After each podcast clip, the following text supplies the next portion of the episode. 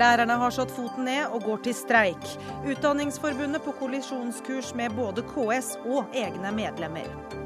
Kim Friele tar et oppgjør med homobevegelsen, vurderer å melde seg ut av Landsforeningen, som hun kaller historieløs. Og hvorfor tar ikke ungdom sommerjobber lenger? Bedriftsorganisasjonen Virke mener ungdommen trenger jobberfaring, mens ungdom heller vil ha fri, eller de sliter med å få jobb.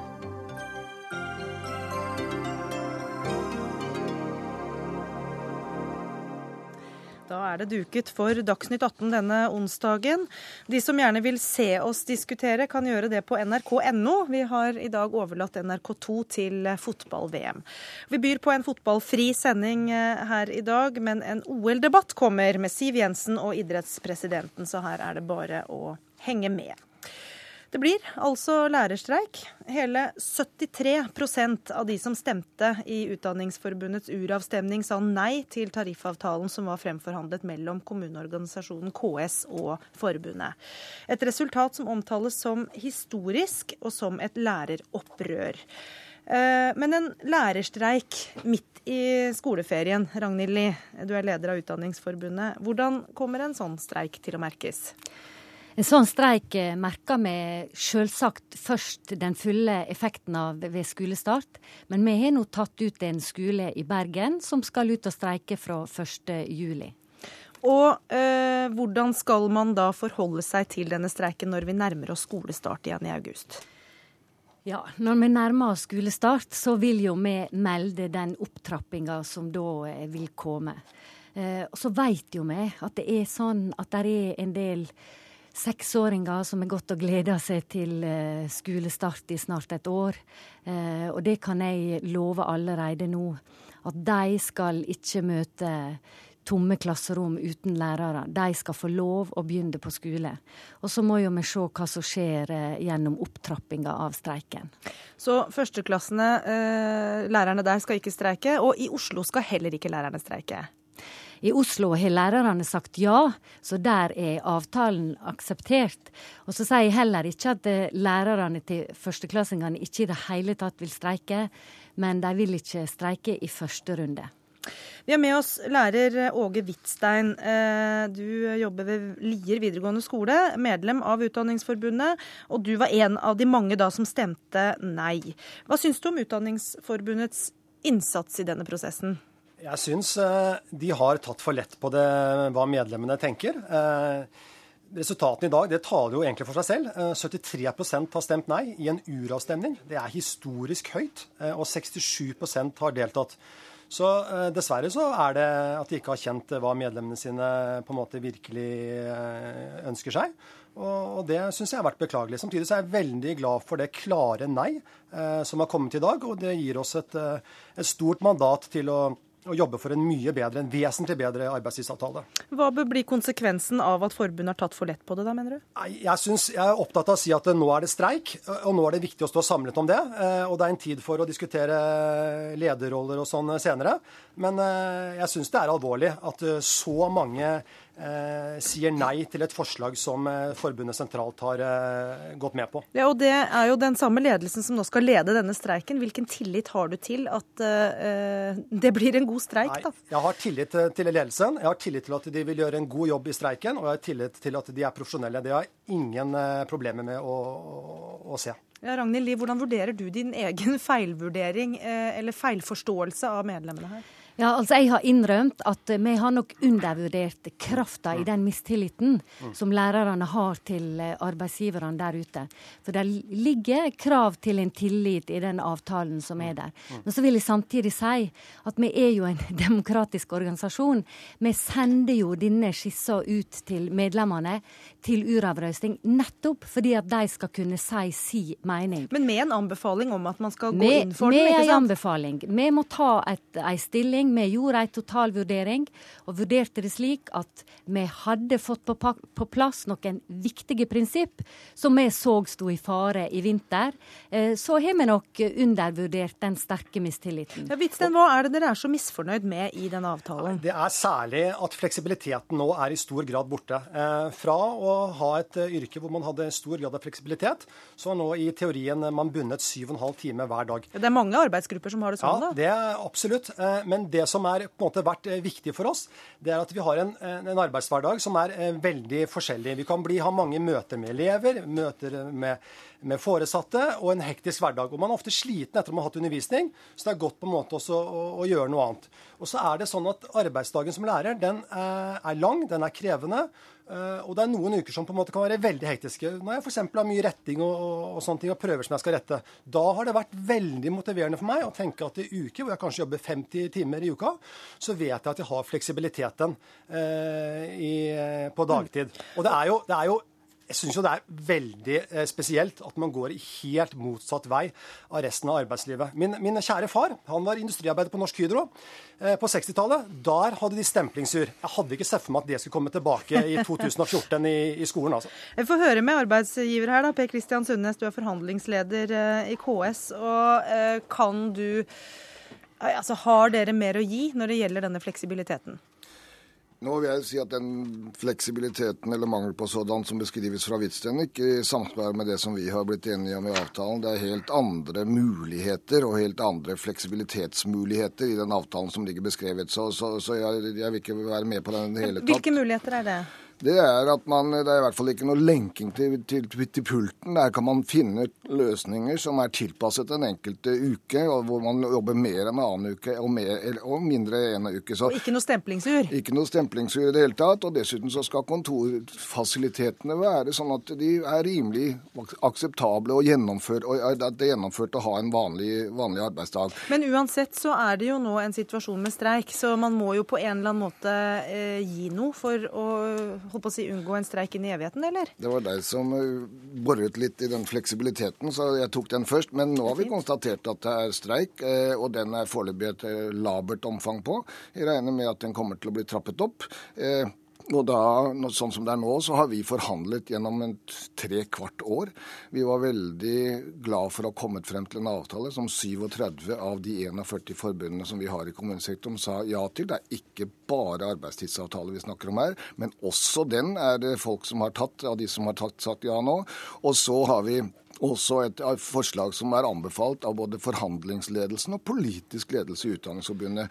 Så vi er litt overrasket, eh, som Utdanningsforbundet sikkert også er det, og veldig skuffet over at vi ikke har noe eh, hva skal vi si, å gå, ta fatt på når, når skoleåret begynner. Når det er sagt, så er det jo, er det jo Hvis vi bare hadde Jeg vet ikke hva jeg skal si det, men, men eh, nå får, vi, nå får, vi, la den streiken gå sin gang, og så får vi se hvordan det er. Du spurte om vi hadde noe mer å gi. Vi har strukket oss svært langt. Det har vært veldig vanskelige forhandlinger.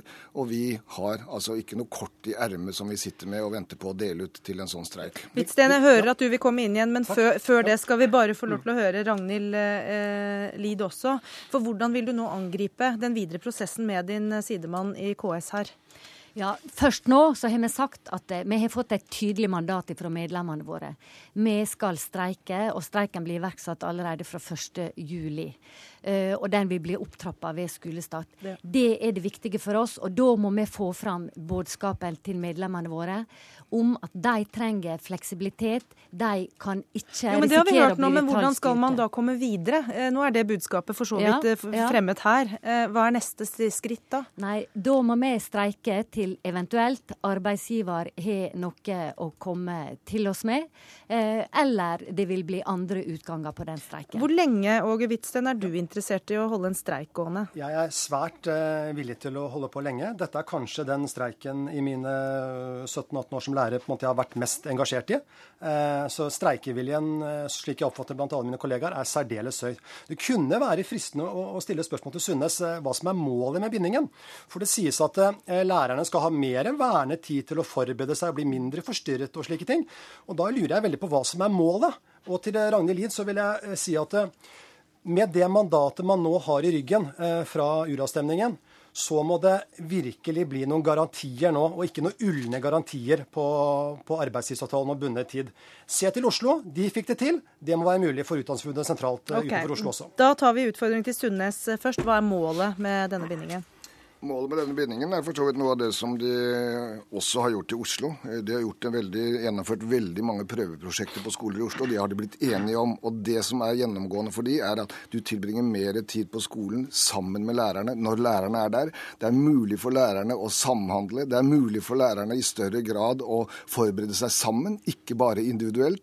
Det er mulig for ledelsen å kunne ha et møte uten at det skal være planlagt 14 dager på forhånd. Det er mulig for elevene også å kunne ta kontakt med lærerne er, mens elevene er på skolen. Så vi mener at dette er bedre tilgjengelighet, og dette er mer samhandling og mer kollektivitet i tilbudet. Og da må jeg bare spørre, hvorfor får dere det til i Oslo, når ikke dere får det til eh, i resten av landet, da? Oslo har, hatt, Oslo har, hatt, et helt annet utgangspunkt for disse forhandlingene. De møtte ikke en arbeidsgiver som provoserte lærerne så kraftig som det KS-styret sitt krav gjorde i vinter. For de forhandla med Oslo kommune ja. som sådan. Svar også til Åge Hvitsten, da. Hvilke garantier kan du gi? Eh, det som er viktig for oss nå, det er høre hva medlemmene sier. De må ha en avtale som tydeligere garanterer den fleksibiliteten som må ligge i dagen. De må slippe å bli detaljstyrt av arbeidsgiver. Så du kommer ikke tilbake med noen avtale uten de garantiene Nei, til jeg, dine medlemmer? Jeg må ha en sånn tydelig garanti i avtalen. Det må, det må, være en helt annen avtale. Og det kan ikke være noen uh, ulne presiseringer uh, på linje med hvor mange kvadratmeter et kontor skal være. Det håper jeg Lid har oppfattet medlemsmassen sin uh, tydelig på. Altså. Da ser det ut som det er mange utfordringer å ta tak i også framover. Takk til lærer Åge Hvitsten, Ragnhild Lie, Utdanningsforbundet og Per Christian Sundes i eh, KS. Og inn får vi eh, politisk kommentator Magnus eh, Takvam. Hvordan forklarer du den store mistilliten som vi her har hørt mellom lærere og arbeidsgiverne, altså KS her, da? Jeg tror nok det toppet seg i vinter da KS styreleder Gunn Marit Helgesen kom med uttalelser som i hvert fall ble oppfattet som om arbeidsgiverne ville Eh, forlenge den eh, lærernes arbeidsår. Eh, I pressemeldingen i dag kaller Unio disse uttalelsene for ekstremuttalelser. Da oppsto det en veldig kraftig reaksjon på grasrota blant lærerne, på Facebook og sosiale medier osv., som har fortsatt siden. slik at den delen av skal vi si, lærernes grasrot har nok vunnet kampen om virkelighetsforståelsen det viste seg i dag, da ledelsen som, som, mente den hadde greid å skal vi si, reparere på dette utgangspunktet fra arbeidsgiverne i den endelige avtalen, ikke fikk gjennomslag for det og ble møtt med et massivt nei. Mm. Jeg prøvde å spørre litt her nå om prosessen videre, men mm. fikk ikke noen veldig klare svar. Hva vet du om eh, det? Nei, det er, ikke, det er, ingen som vet hvordan dette kan ende. I en eh, normal tariffsituasjon der det oppstår en situasjon som den vi snakker om her, så er det vanlig å si at man ikke kan streike seg til et bedre resultat enn det det anbefalte forslaget gikk ut på. Men er så, denne situasjonen er så eksepsjonell, og en eh, langvarig lærerstreik vil være så krevende for eh, den norske skolen at man ikke kan utelukke at det kommer en, en, en eller annen løsning på bordet. For alle ser jo også at uh, man kan ikke presse på en arbeidstidsavtale på uh, en gruppe ansatte der 80 sier at de ikke aksepterer avtalen. Så på en eller annen måte må man komme seg ut av dette. Men jeg tror det må til en streik. At lærernes frustrasjon og sinne må skal vi si, bli demonstrert gjennom en uh, streik når skolene starter da for fullt. Helt kort, Hvorfor har de fått det til i Oslo når ikke de klarer det ellers? Er flere svar på det. Én ting er at i Oslo eh, forhandler eh, organisasjonene De er ansatte i kommunen og forhandler med eh, ledelsen i kommunen. Det er ikke profesjonelle eh, forhandlere på begge sider. Blant annet det har ofte ført til et lavere konfliktnivå. Og de har også hatt en mykere tilnærming og ikke krevd denne typen streng arbeidstidsavtale som KS sentralt har gjort.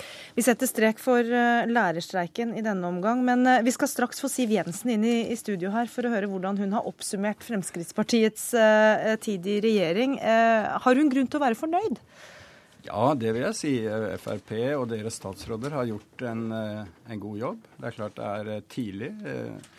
Utfordringen for Frp tror jeg er det politiske gjennomslaget, selvfølgelig. Det, det kan lett danne seg et bilde av at det er det store partiet, Høyre, som, som får de store sakene. Og også at eh, samarbeidet med sentrumspartiene binder opp økonom, det økonomiske handlingsrommet for Frp, som, som, eh, som, er vanskelig og krevende for dem. Så i sum gjør alt dette at, at de har en del utfordringer framover for å få et veldig tydelig gjennomslag. Takk skal du ha, Magnus Takvam. Dagsnytt 18 alle hverdager klokka 18. På NRK P2 og NRK2.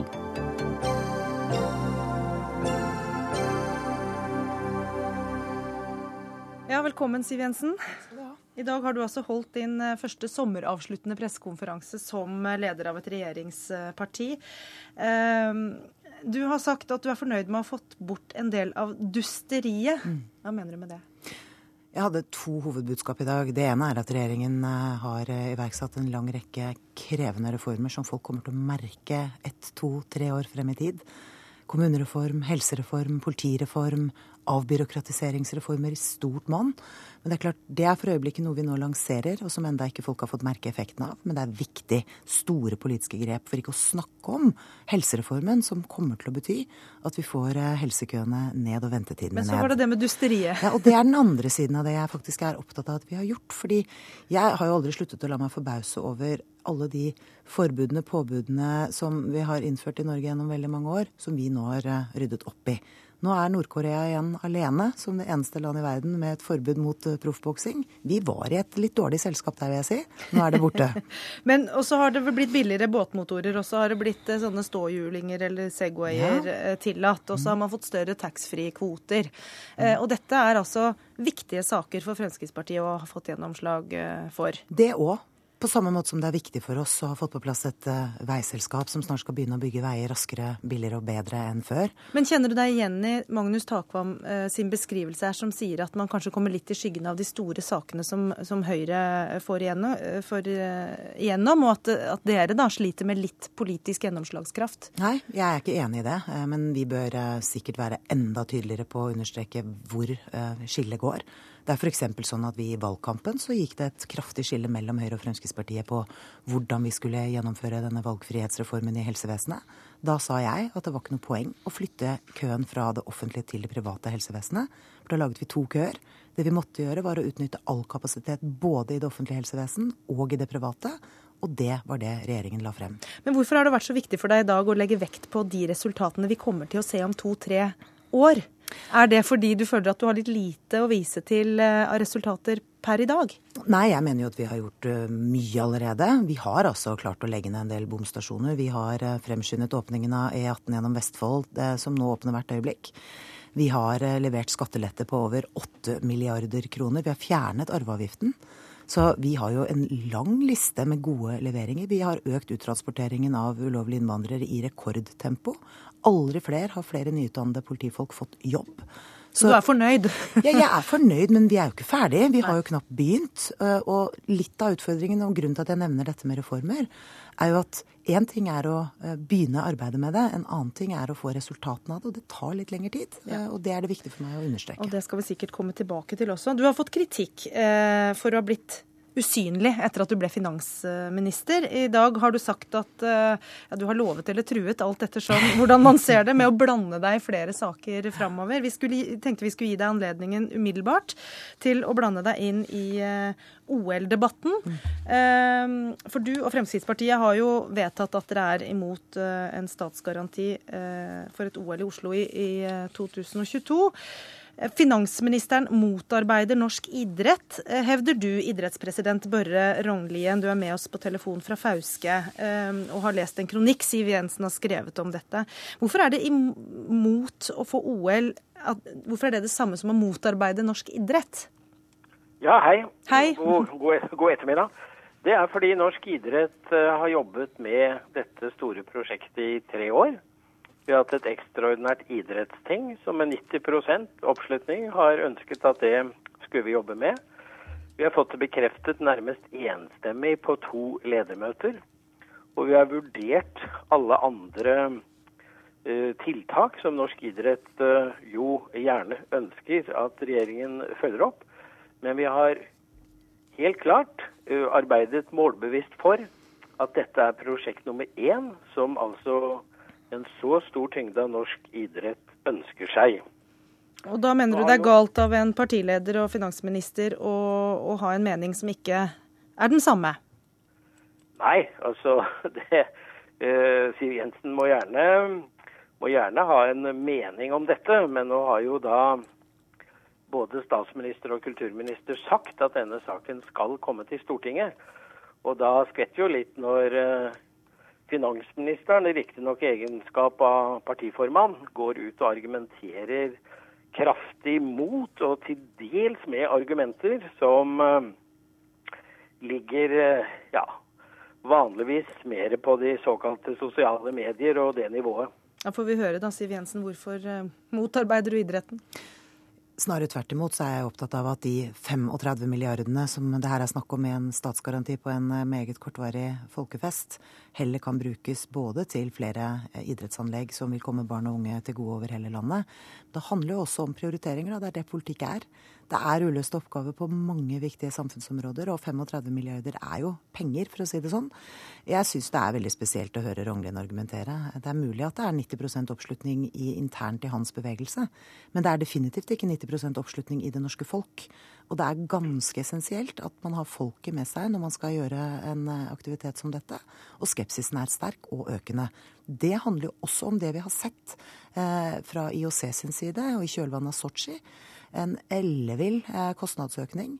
Et pampevelde ja, internt i IOC som beriker seg Du skal få komme til ordet, Ronglin. Et lite øyeblikk, så vi bare høre ferdig eh, Siv Jensen her. Et, et, et øyeblikk, Ronglin.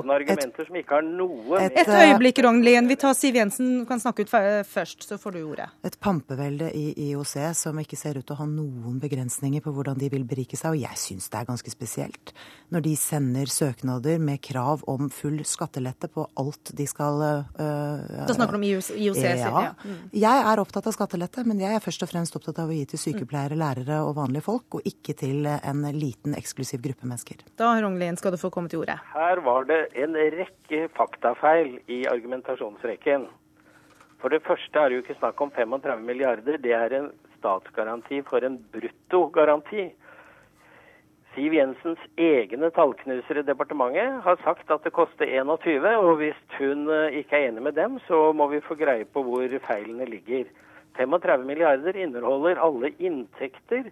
Det inneholder alle private investeringer som private står i kø for å investere, f.eks. i studentboliger. Og det er jo også sånn at dette er jo ikke penger for en 14 dagers fest. Det er reinspikka tull. Det er ikke anlegg som ble bygget på Lillehammer i 1994, som ikke fortsatt er i bruk. Om det er Minnesundbru, veier, jernbane, eh, idrettsanlegg, høyskoler. Det er jo Og jeg skjønner jo godt at Siv Jensen ikke nevner Paralympic, for det er også en viktig del av dette. Og det er jo heller ikke noe med IOC å gjøre i det hele tatt. Nei, men La oss ta dette med økonomien, da. Eh, Siv Jensen. Eh, kan man ikke like gjerne se eh, de pengene som en investering, og ikke som et forbruk eller som sløseri? Jeg tror litt av dilemmaet rundt erfaringen med en del statsgarantier er at det ofte blir enda dyrere enn det man har kalkulert med. Det var jo litt av utfordringen knyttet til et OL i Tromsø f.eks. Der ble prislappen rett og slett for stor, og det endte med at man trakk søknaden fra, fra idretten sin side side.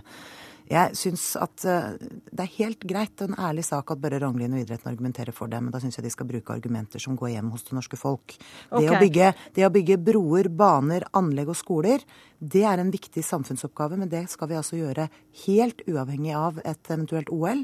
Og da syns jeg vi må ta stilling til det som er i ferd med å skje, som gjør at folk eh, vender ryggen til dette. Det er den pampekulturen som IUC representerer, som folk har virkelig satt seg imot. Jeg skjønner ikke hvorfor ikke Børre Rognlien tar et oppgjør med det.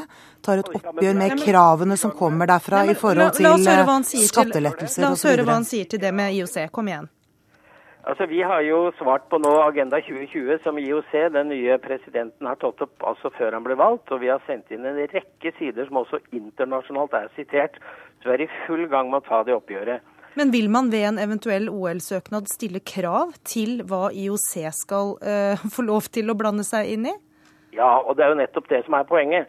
Og Derfor blir jo Siv Jensens siste argumentasjon også helt feil. For dette er jo ikke noe blankofullmakt i IOC. Det er jo sånn at Hvis vi søker dette og får dette OL, så blir det jo opprettet en, en organisasjonskomité hvor faktisk staten er majoritetseier.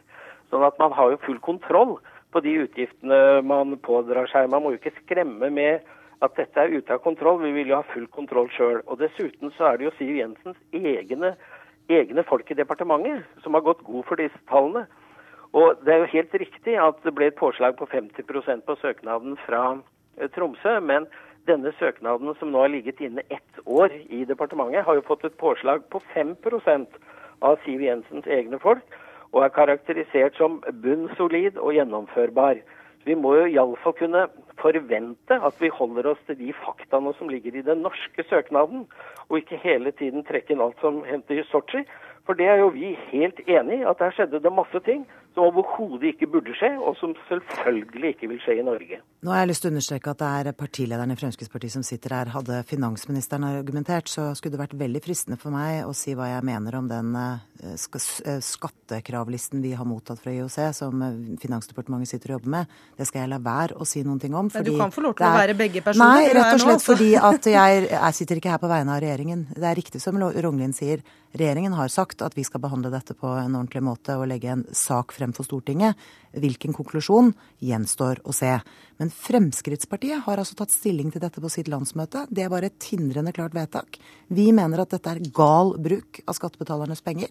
Eh, og vi mener at det er langt mer vi kan få ut av eh, de astronomiske beløpene det her er snakk om. Helt til slutt, eh, Børre Rognlien. Hva ja. tror du Fremskrittspartiets og Siv Jensens holdning til en OL-søknad for å bety for en eventuell søknad? Du, Jeg har et oppdrag fra norsk idrett, og får Siv Jensen beskrive da den plattformen eh, som hun vil. Men jeg kan... Jo, men jeg spurte hva du tror det får å bety for den videre prosessen? Ja, jeg jobber for det som har vært norsk idretts ønske hele tiden, nemlig at denne saken skal til Stortinget. Tror du den fortsatt kommer, eh, kommer dit? får, en eventuell, altså får det en negativ eller en positiv virkning at eh, Siv Jensen går ut som hun gjør nå? Jeg er helt sikker på at når kulturminister og statsminister har sagt de vil sende saken til Stortinget, så jeg er helt sikker på at de kommer til å gjøre det. Og dette må du, du må jo huske på at dette er jo, dette er jo en ny generasjon, en helt ny generasjon. Det er en million nordmenn som ikke har opplevd Lillehammer. Ja. Du tror ikke det får noen betydning med andre ord. Vi er nødt til å slutte der, for tiden vår er ute. Jeg bare å si at Regjeringen har ikke tatt stilling til dette. Selv om vi har sagt vi skal sende en sak til Stortinget, så har vi ikke sagt noe om hva konklusjonen blir i saken. Det blir siste ord. Takk til Siv Jensen og Børre Rognlien.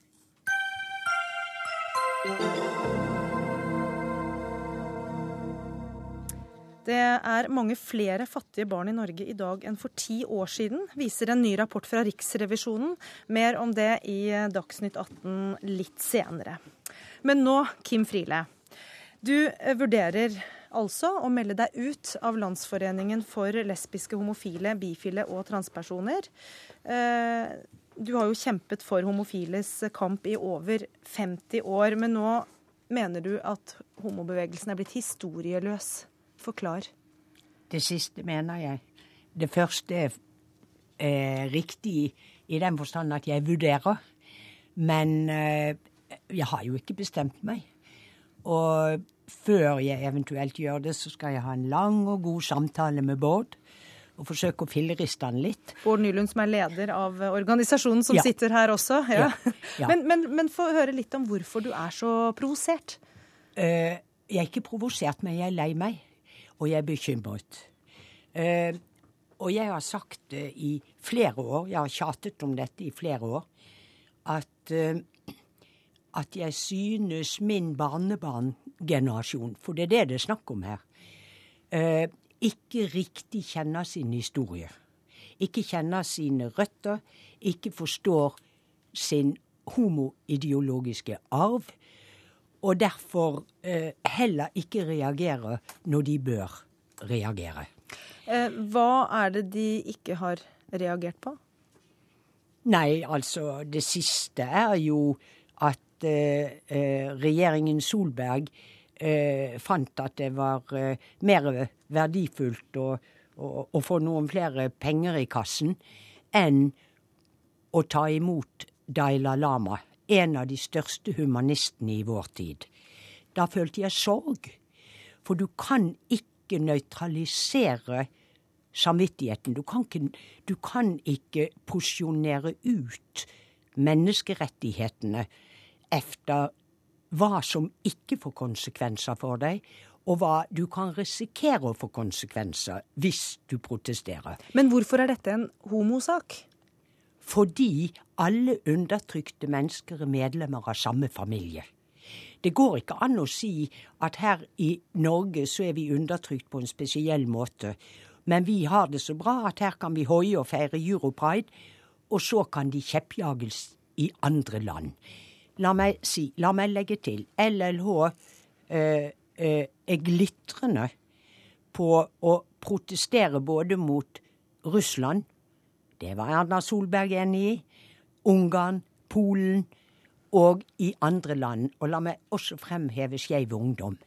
Men, men, det må jo ikke bli slik at homobevegelsen bare protesterer der hvor regjeringen syns det er greit at de gjør det, og så lar de det være hvis det kan komme til å koste noe. Kanskje noen kroner på budsjettet. Og jeg syns at her sviktet man i aller høyeste grad. Og jeg følte sorg, og jeg fant ut at jeg vil heller sende noen signaler enn jeg vil spise jordbær med mitt bysbarn Erna Solberg. Ja, og fra den jordbærfesten kommer du eh, nå nettopp, Bård Nylund. Hva sier du til eh, disse påstandene om eh, svik og historieløshet? Nei, altså Jeg tar det veldig på alvor. Jeg er veldig opptatt av at uh, vi skal ha historien med oss når vi skal forme framtida. Jeg tror ikke vi klarer å forstå vår, verken vår samtid eller vår framtid uten å forstå historien vår. Og jeg har vært veldig opptatt av i de åra jeg har vært leder i LO, og snakka mye med Kim Friele. Og vært veldig opptatt av å, å, å, gå inn i den norske homohistorien, høre på eh, historiefortelleren Kim Friele som forteller om, uh, om et internasjonalt engasjement i sin spede begynnelse. Og så mener jeg jo at vi på mange måter klarer å gjøre et arbeid akkurat uh, Altså ikke, ikke, bare på områder som handler om oss. Vi har et veldig nært samarbeid med Amnesty International Norge. Vi har et nært samarbeid med Fokuskvinner som gjelder kvinners rettigheter. Et, og, et, nært samarbeid med regjeringen som du har spist jordbær med nå. ja, og med, altså, med Solveig Horne som er likestillingsminister ja, altså, og som har vært med på denne Europride-åpningen. Altså, i, Norge vi en, I Norge har vi en tradisjon for at uh, frivillige organisasjoner i all hovedsak er finansiert av det offentlige. Men det skal jo ikke bety at vi ikke skal være kritisk til, uh, til det offentlige. Det mener jeg jo at vi ikke vi er ikke ukritiske til det som kommer. Men det er jo slik at uh, når Solveig Horne f.eks. i sin tale under åpninga av Europride på fredag holder en tale som jeg like gjerne mener kunne vært holdt av en statsråd fra SV, og som jeg i det store og hele er enig i, så er det jo det jeg skal måle Solveig Horne på i framtida. Hun har sagt noen ting som hun mener er viktig. Det skal vi følge med på og se om hun faktisk gjennomfører. Én ting er ord, noe annet er handlinger. Men hvilket inntrykk gjør det, det gjør på deg at Kim Friele altså, vurderer å melde seg ut av den organisasjonen som du nå leder? Det gjør et uh, stort inntrykk på meg, og derfor har jeg jo sagt til NRK tidligere i dag, og jeg har sagt til Kim tidligere i dag, at vi må ha en lang og god prat. Jeg er opptatt av å høre på de som har vært ledere i denne bevegelsen før meg. Eh, jeg tror de sitter på verdifull kunnskap som jeg kan dra nytte av i min posisjon. Og så er det nok også slik at noen ganger så er det sånn at tida har endra seg litt. Det er andre strategier, andre virkemidler som, eh, som, eh, som, ligger til grunn for det arbeidet vi gjør. Men jeg vil si at vi er opptatt av å jobbe for andre enn bare oss sjøl. Vi ser at Diskriminerte grupper de henger uløselig sammen. Man kan ikke frikoble den ene gruppa fra den andre. og Derfor er det f.eks. i vårt internasjonalt arbeid eh, viktig, et viktig premiss for oss at vi jobber sammen med breie menneskerettighetsorganisasjoner i Øst-Afrika, i Sør-Asia, i Nepal, eh, Pakistan, Bangladesh. og Der jobber vi sammen med, med breie menneskerettighetsorganisasjoner som jobber både på miljøsida, på arbeidstakers rettigheter, på kvinnerettigheter. Men å markere eh, regjeringens holdning, holdning til Dalai Lama er dere ikke med på? Det er ikke det at vi ikke er med på det, men, men, det er jo slik at vi deltar ikke på alt som skjer i det godes tegn. Og det var mange fra vår bevegelse som deltok utafor Stortinget når den markeringa var.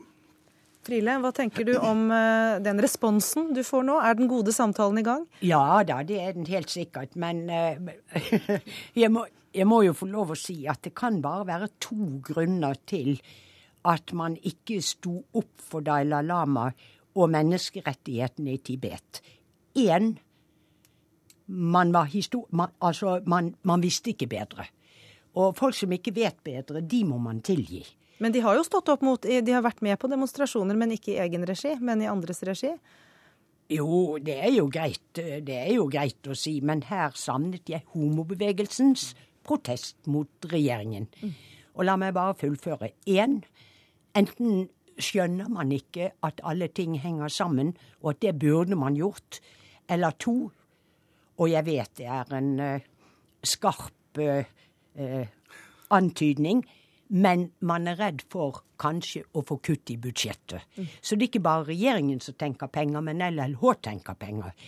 Og vi drev da i 30 år uten ett øre i statsstøtte, til og med til partnerskapsloven ble innført.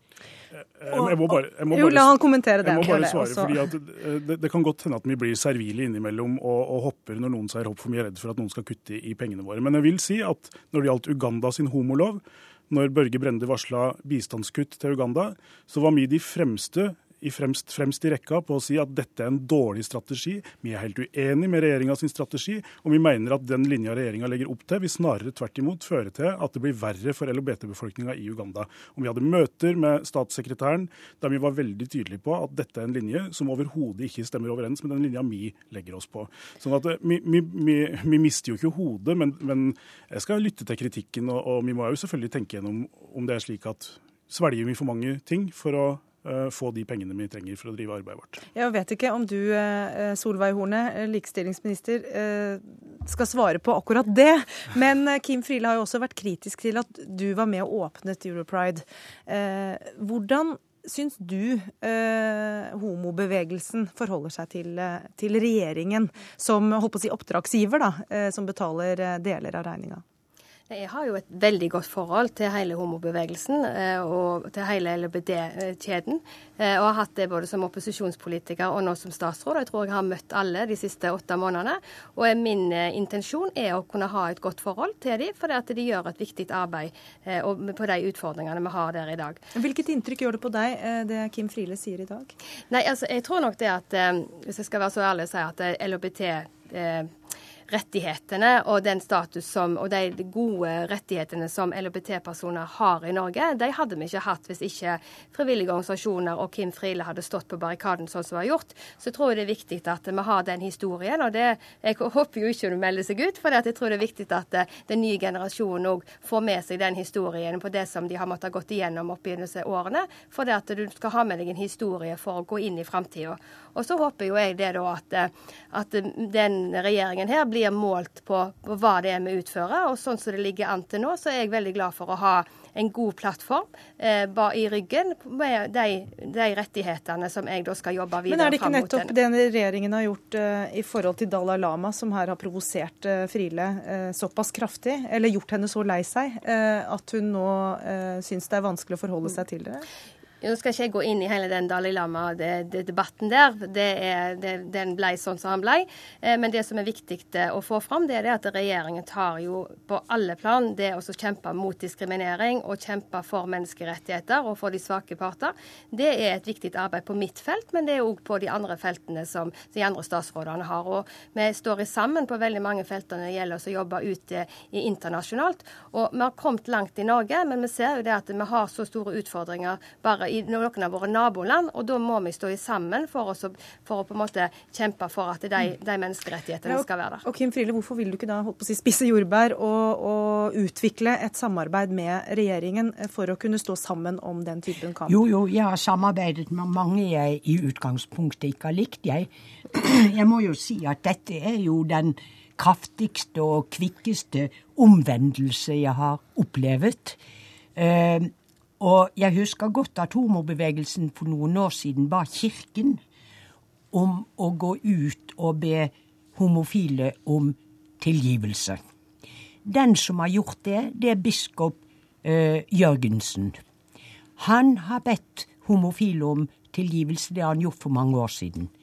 Og jeg kunne godt tenke meg at Fremskrittspartiet også ba den homofile bevegelse om tilgivelse. Jeg har levd så lenge og jobbet i 50 år. I 40 av disse årene, Solveig Horne, har Fremskrittspartiet kjeppjaget oss.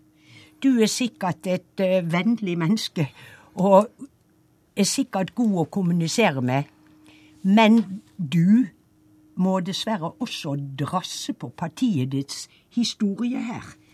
Da Men, rekker vi egentlig kun uh, den oppfordringen, Solveig Horne. Uh, kan, får vi høre en, en, tilgivelse her? Det som jeg har lyst til å si, at både jeg som person og, og som parti, så har jo vi modnes. Hvis ikke vi kan være voksne som politikere og innrømme det at vi òg modnes over tid, så er vi ikke gode nok politikere.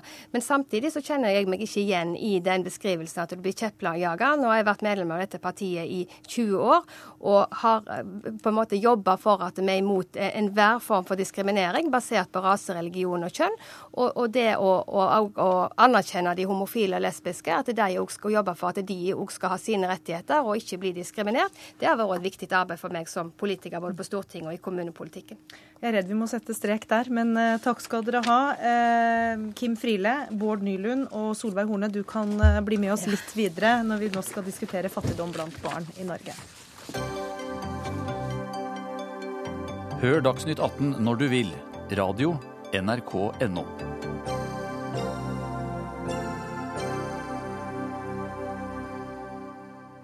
For det er nemlig sånn at eh, andelen fattige barn i Norge har økt fra 5 til 8% fra 2002 til 2012. Det viser en rapport eh, fra Riksrevisjonen som ble lagt fram i dag. Og riksrevisor Per Christian Foss, eh, hvorfor har det blitt flere fattige barn i Norge? Det tror jeg man skal overlate til politikerne å spekulere i. Vi har ikke undersøkt hvorfor, men hva som har skjedd med barn i uh, fattige familier for å unngå uheldige konsekvenser for disse ungene. Og vi konstaterer jo at det er blitt flere barn i lavinntektsfamilier, altså andelen har økt. Det kan du jo spekulere i har noe med innvandring å gjøre. Eh, vi har pekt oss på at mange kommuner gjør lite for å styrke barns muligheter for å delta sosialt. Eh, foreningsliv, barnehageadgang osv. Men det er veldig variert bilde. Noen kommuner gjør en god jobb, men de aller fleste gjør for lite. Hva er det de gjør for lite av?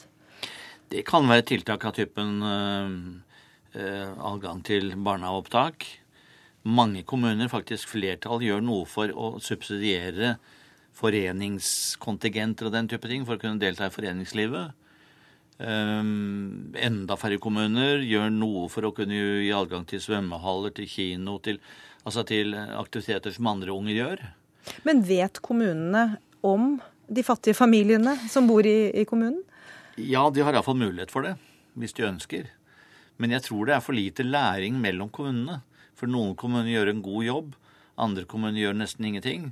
Og veldig få kommuner evaluerer egne tiltak, som man jo skal gjøre for å se hva som, hva som virker. Eh, men også på statens hånd så er det det typiske problemet at eh, når flere statlige virksomheter har ansvar, så faller det ofte litt mellom, mellom to stoler.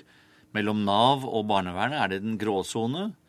Og vi har også pekt på, gitt et råd til eh, ministeren, at hun bruker den kompetansen som IMDi, eh, Direktoratet for integrering og mangfold, har om dette. De kan veldig mye om det. At de bruker den mer aktivt mm. i de statlige tiltakene. Men eh, si, hva er fattigdom? Fordi kriteriene som brukes er jo relative. De ses i sammenheng med ja. hva som er gjennomsnittsinntekten og sånn. Dess rikere, dess flere rike eller middelinntekter og høyere det blir i et land, Eh, dess flere fattige blir det. det jo... hvor, hvor, fattige reelt sett er disse som vi nå kaller fattige barn i Norge i dag, da? Vi bruker den, den definisjonen som EU bruker på det samme, og den samme som Statistisk sentralbyrå bruker. Og det er jo da familier hvor, eh, som ikke har råd til å la ungene delta i vanlige aktiviteter sammen med andre. Og jeg har lyst til å legge til litt for egen regning at ser du fremover i tid, så kan dette bli et ganske stort problem for skoleverket. Drop-out, mangel på integrering Eh, og etter hvert eh, mangel på kontakt med arbeidslivet. Mm. For problemene starter ofte tidlig. Jeg sier ikke at alle som ikke eh, si, går på kino eller svømmehaller, nødvendigvis får problemer med arbeidsmarkedet, men mangel på, eller det å føle seg utenfor er en dårlig start. Mm. Eh, Anette Trettebergstuen, du er stortingsrepresentant for Arbeiderpartiet og også representant for de, den rød-grønne regjeringen som var, hadde ansvaret i store deler av den perioden Riksrevisjonen her har sett på. Hva gikk galt? Jeg tror eh, vi må erkjenne at eh, ingen regjering har klart å gjøre nok for å få bukt med fattigdommen. Og til tross for Nei, Dere skulle jo til og med avskaffe fattigdom. Ja, det var eh, SV som sa. Jeg tror det er med den... I regjeringsplattformen ja, dere imellom. Med ja. den, med den, vi skulle bekjempe fattigdom, og det vil jo alle partier gjøre. Det skulle bare mangle. Men med den definisjonen vi bruker på fattigdom i Norge, EUs definisjon, så, så vil det nok alltid være de som blir definert som fattige. I dag så er det slik at en tobarnsfamilie der den ene jobber, men den andre ikke, og tjener 600 000, vil etter EUs definisjon bli betegna som fattige. Eh, det er ikke sikkert at de, den familien, betegner seg selv som, som, fattige, men det er det etter definisjonen. Men når det er sagt, det er for mange barn som opplever sosial eksklusjon i Norge. Og det øker. Og det, er jo poenget her, ikke sant? Ja, og pro problemet er at, eh, at, eh, selv om vi førte en politikk, en økonomisk politikk som fikk forskjellene ned, som, som gjorde at de med laveste inntekter tjente mer, og også fikk ned arbeidsledigheten og fikk flere i jobb, så, så ser vi altså at vi ikke har klart å gjøre nok for å, for å hindre økningen i antall fattige fattige barn. Men du klarer og, ikke helt å peke på hva nei, det var som gikk galt? Det, det, aller aller viktigste er arbeidslinja. Det å få folk i arbeid. Det at de kan forsørge seg sjøl. Og vi gjorde mye for å få det til. Mye for å få kvinner ut i arbeidslivet, innvandrerkvinner spesielt. For vi vet jo hvilke grupper dette dreier seg om. Og økningen skyldes jo, det sier Nav sine rapporter og SSB eh, også, at eh, vi har eh, flere nyankomne innvandrere. Og det er i disse gruppene vi stort sett finner de, de fattige barna. Ja, det er halvparten, halvparten av barna er fra innvandrerfamilier, men det betyr at også halvparten er fra ikke-innvandrerfamilier. Ja, og det dreier seg veldig mye om, om folk som, som, ikke har arbeid, og, ikke, og som er eneforsørgere og den type ting. Men det viktigste vi har gjort, er å, å, å lage, ta nye grep for å få flere i arbeid. Eh, gode universelle ordninger som treffer alle, som billigere og, og gratis eh, billigere og barnehager og full barnehagedekning og den type ting. Har, ty har tydeligvis har, ikke også, hjulpet nok, da. At vi også har færre på stønader. Mm. Eh, men så i tillegg til det, eh, som vil virke på lang sikt, så trenger vi også flere treffsikre virkemidler for å nå de barna barna som i dag opplever å, bli stående utenfor. Og der har vi ikke klart å, å gjøre nok. Trine Skei Grande, du er leder i Venstre, og håper si dere må også ta deler av skylda her. For eh, i den tidlige perioden som Riksrevisjonen har sett på, så satt Venstre eh, i regjering. Det har sagt ligge til Riksrevisjonen der, så det, var, det, er en stund siden, da. men, men herre, dette er et felt Det er på tide å tenke nytt, kanskje? Ja, det er på tide ja. å tenke nytt. Det er på tide å tenke på de nye forslagene, på ting vi kan gjøre for å få grepene. For vi, vi er veldig sånn overfladiske om folk i arbeid og alt mulig sånn. Jeg mener at du må hovedsakelig gjøre to ting. Du må gi alle barna en like god start. Der er barnehage selve nøkkelen. Da er det bra at forrige regjering har bygd ut mange plasser. Det dumme er at de gjorde det billigere for oss med god råd, og dyrere for dem med dårlig råd. Det vi må gjøre nå, er at vi må sørge for at det blir billigere for dem med dårlig råd å få ungene inn i barnehage. Det har statsministeren i forrige spørretime lova meg, mm. for det var en av de tingene vi var mest opptatt av når vi laga samarbeidsavtalen, at det skal vi få. Mm. Og så er det en ting til, sa du. Ja, og så må det være reell omfordeling på en, på en rekke områder. Eh, eksempel, det er feil at vi i dag har en barnetrygd der rike får akkurat like mye som fattige. Vi vet at en omfordeling av barnetrygda hadde betydd at de rike har fått noen hundrelapper mindre, mens det har betydd ganske mye for de aller fattigste familiene. Så omfordeling og satsing på å gi alle unger en lik start tror jeg er nøkkelen for å komme. Og det er det forskerne sier er viktig òg. Og da har Solveig Horne gått fra å være likestillingsminister til å bli barneminister. Og her er det flere eh, forslag. Jeg vet ikke hva din eh, løsning er på dette? Nei, først og fremst er jeg veldig glad for at vi har fått denne rapporten. Så det er en veldig grundig rapport som kommer fra Riksrevisjonen, og som peker på de utfordringene vi har. Ja, For det er ikke eh, veldig oppløftende det som kommer her? Nei, det er det ikke. og Vi var vel i grunnen litt klar over det, men det å få en så systematisert som vi har fått nå, og få konkret hvor er det skoen trykker, det tror jeg er veldig viktig. Og så gjelder det jo ikke bare mitt departement, men her må òg arbeidsministeren òg inn. Eh, og det er som eh, Trettebergstuen var inne på her, altså arbeidslinja for å få folk ut i arbeid, få språkopplæring, utdanning, arbeid til de som er med minoritetsbakgrunn, sånn at vi får yrkesaktivitet. Det er det aller viktigste. Så er det da det å kunne på en måte hjelpe disse barna.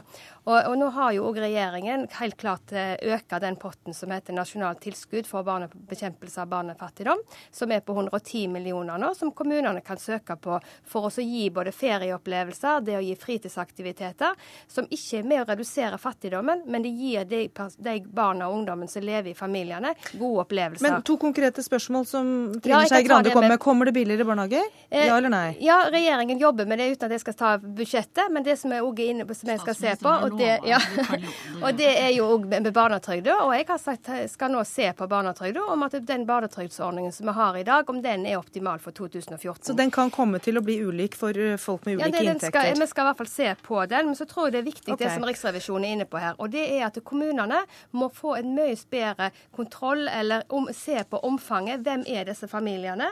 Og ha gode indikatorer av hvordan de klarer også å se og gi hjelp i kommunene til de, de familiene dette gjelder. Noen kommuner er flinke, men den rapporten i dag viser helt klart at det er mange kommuner som har mye å gå på der, og det er vi nødt til å hjelpe kommunene med. Trettebergstuen først og Skei Grande etterpå. Ja, selv om ikke den rød-grønne regjeringa kom i mål, så hadde vi en linje og vi hadde en plan og en retning. Vi fikk flere i arbeid, spesielt aleneforsørgende kvinner. Vi bygde ut eh, full barnehagedekning, og vi gjorde barnehageprisene billigere. Vi kutta i kontantstøtten. Ting som, som, får folk ut av fattigdom og inn i arbeid. Den nye regjeringa eh, har jo hatt en mulighet Men du sier at det gjør det, men jo, dette viser jo at det ikke har fått folk ja, ut av fattigdom. Ikke, jo, men det har, fått, det har, fått, flere i arbeid. og sånn sett kan du si at Hvis vi ikke hadde hatt rød-grønn regjering med økonomisk omfordeling i åtte år, så hadde det sikkert vært flere. Det er ikke et poeng å diskutere det. Men jeg mener at den nye regjeringa har hatt sjansen gjennom et statsbudsjett og et revidert budsjett til å vise at de mener alvor. Det de gjorde, var nettopp å kutte i antall barnehageplasser. Færre barnehageplasser.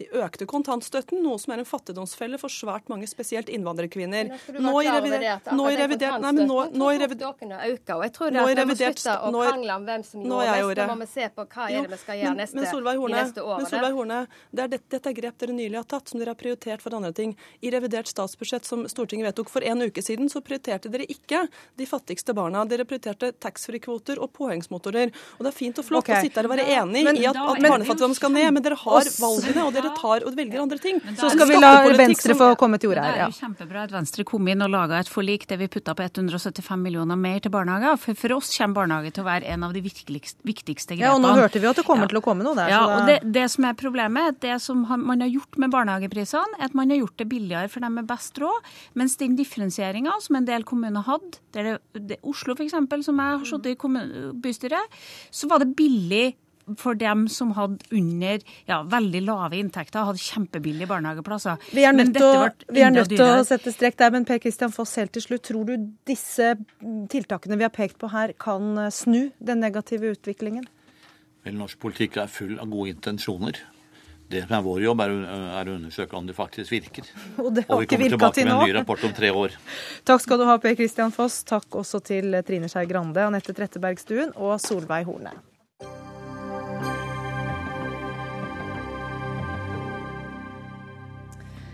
Ungdom trenger jobberfaring mer enn de trenger eh, fri, og må komme seg ut i arbeidslivet istedenfor å dra på ferie med foreldrene. Det sier du til Dagsavisen i dag, administrerende direktør i Virke, Vibeke Madsen. Hvorfor det? Når vi ser at uh, vi også får melding om at statistikken uh, sier at det blir noe færre som ønsker å jobbe, så tenker vi at her må vi være klare på at det å trene på arbeidslivet, det at for unge eh, å få en trening for arbeidslivet, det er eh, viktig. Det gjør at eh, de opplever mestring. Og jeg tror også at det kommer til å hjelpe når de skal ut i fast jobb etter ferdig studentliv.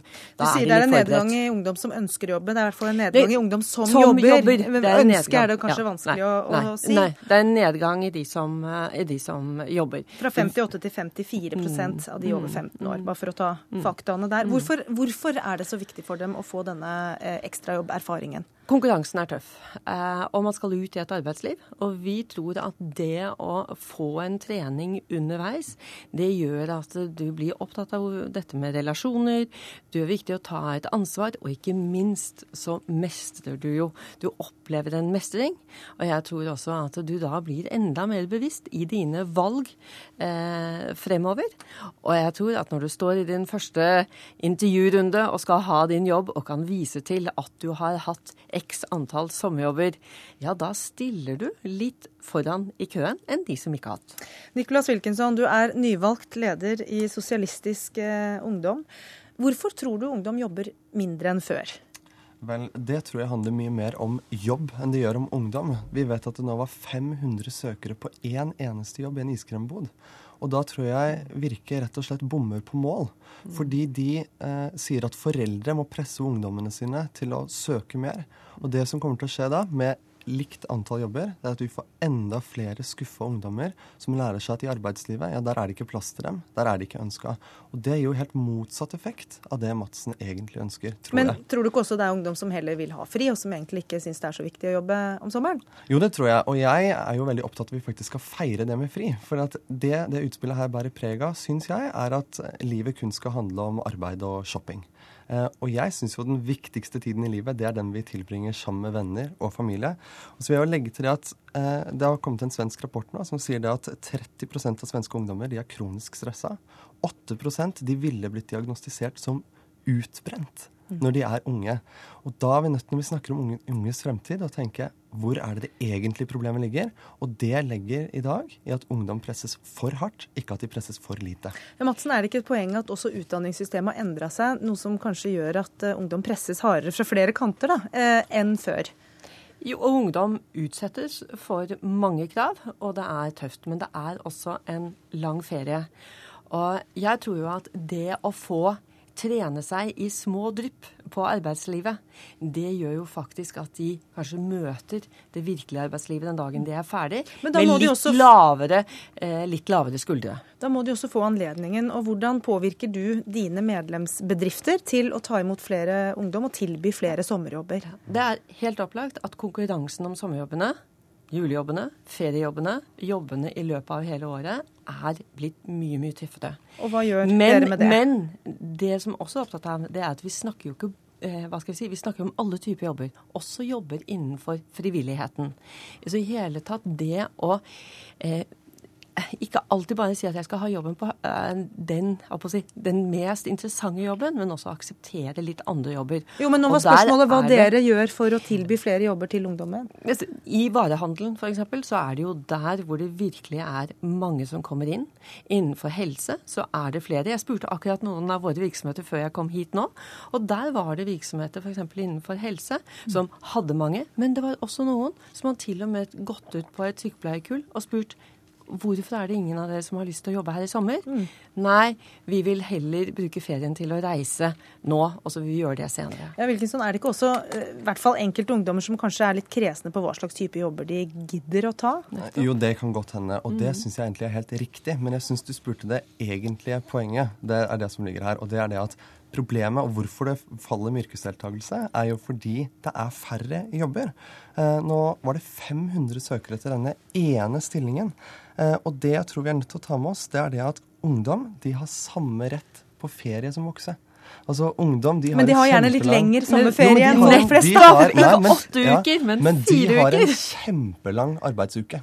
Som vi aldri ville orket å leve med. Med en gang de er ferdig med en lang arbeidsdag, så skal de hjem og skal de gjøre lekser. Og i tillegg til det så har de masse fritidsaktiviteter. Det er mer i livet enn det å shoppe og jobbe. Det er viktig å ha tid med familie og venner. Og dette forslaget bærer preg av at man skal pushe foreldre til å pushe allerede pressa ungdom enda hardere. Nei, det gjør ikke det, fordi dette dreier seg rett og slett om å gjøre de unge enda bedre i stand til å få den sommerjobben. Få kanskje ikke det ene året, men det neste året så vil du få når du viser engasjement og entusiasme. Og dette dreier seg rett og slett om at foreldre og barn sammen prøver å legge en plan for fremtiden og sette de unge i stand til å møte fremtiden med litt mer senkete skuldre, hvor du får i pose og sekk både ferie, helt opplagt, men også jobberfaring. Det å trene gjør deg faktisk mye bedre. Ja, men det som er det grunnleggende problemet her nå, det er at vi har eh, et fallende antall jobber for ungdom, og ikke minst et brutalisert eh, arbeidsliv. Vi deler Nei. av det, det Men det kan vi ta siden. Men, men vi har like mange jobber, og så får vi noen oppfordring om at det skal bli enda flere søkere. Og Hvis det er like mange jobber og flere søkere, så er det jo ikke flere ungdom som kommer seg i jobb. Så da kan man like gjerne la være å dette, søke, da. Dette forslaget til Men- Madsen men- vil, jo ikke, ja, vil men- jo ikke gi flere ungdom jobberfaring. Ja, men det De vet du ikke. ikke. Det vet du ikke. Så vil du stille opp med flere jobber? Dette er jo Kommer ungdommen, viser sin interesse, så er det arbeidsgivere som lar seg påvirke. Og du skal ikke se bort ifra at virkelig entusiastiske, som tar et ansvar, og som viser hva de vil, de får også sjansen. 500, 500 søkere på én jobb. Der setter Ja, vi strek for denne debatten mellom Nicholas Wilkinson, som er nyvalgt leder i Sosialistisk Ungdom, og Vibeke Madsen, som er administrerende direktør i Virke. Ansvarlig for denne sendingen var Bjørn Atle Gildestad, teknisk ansvarlig Karl Johan Rimstad, og i studio ønsker Gry Blekastad Almås på gjenhør i morgen. Heller ikke da eh, på TV pga. fotball-VM, men vi høres på radio, og vi ses eventuelt på nett.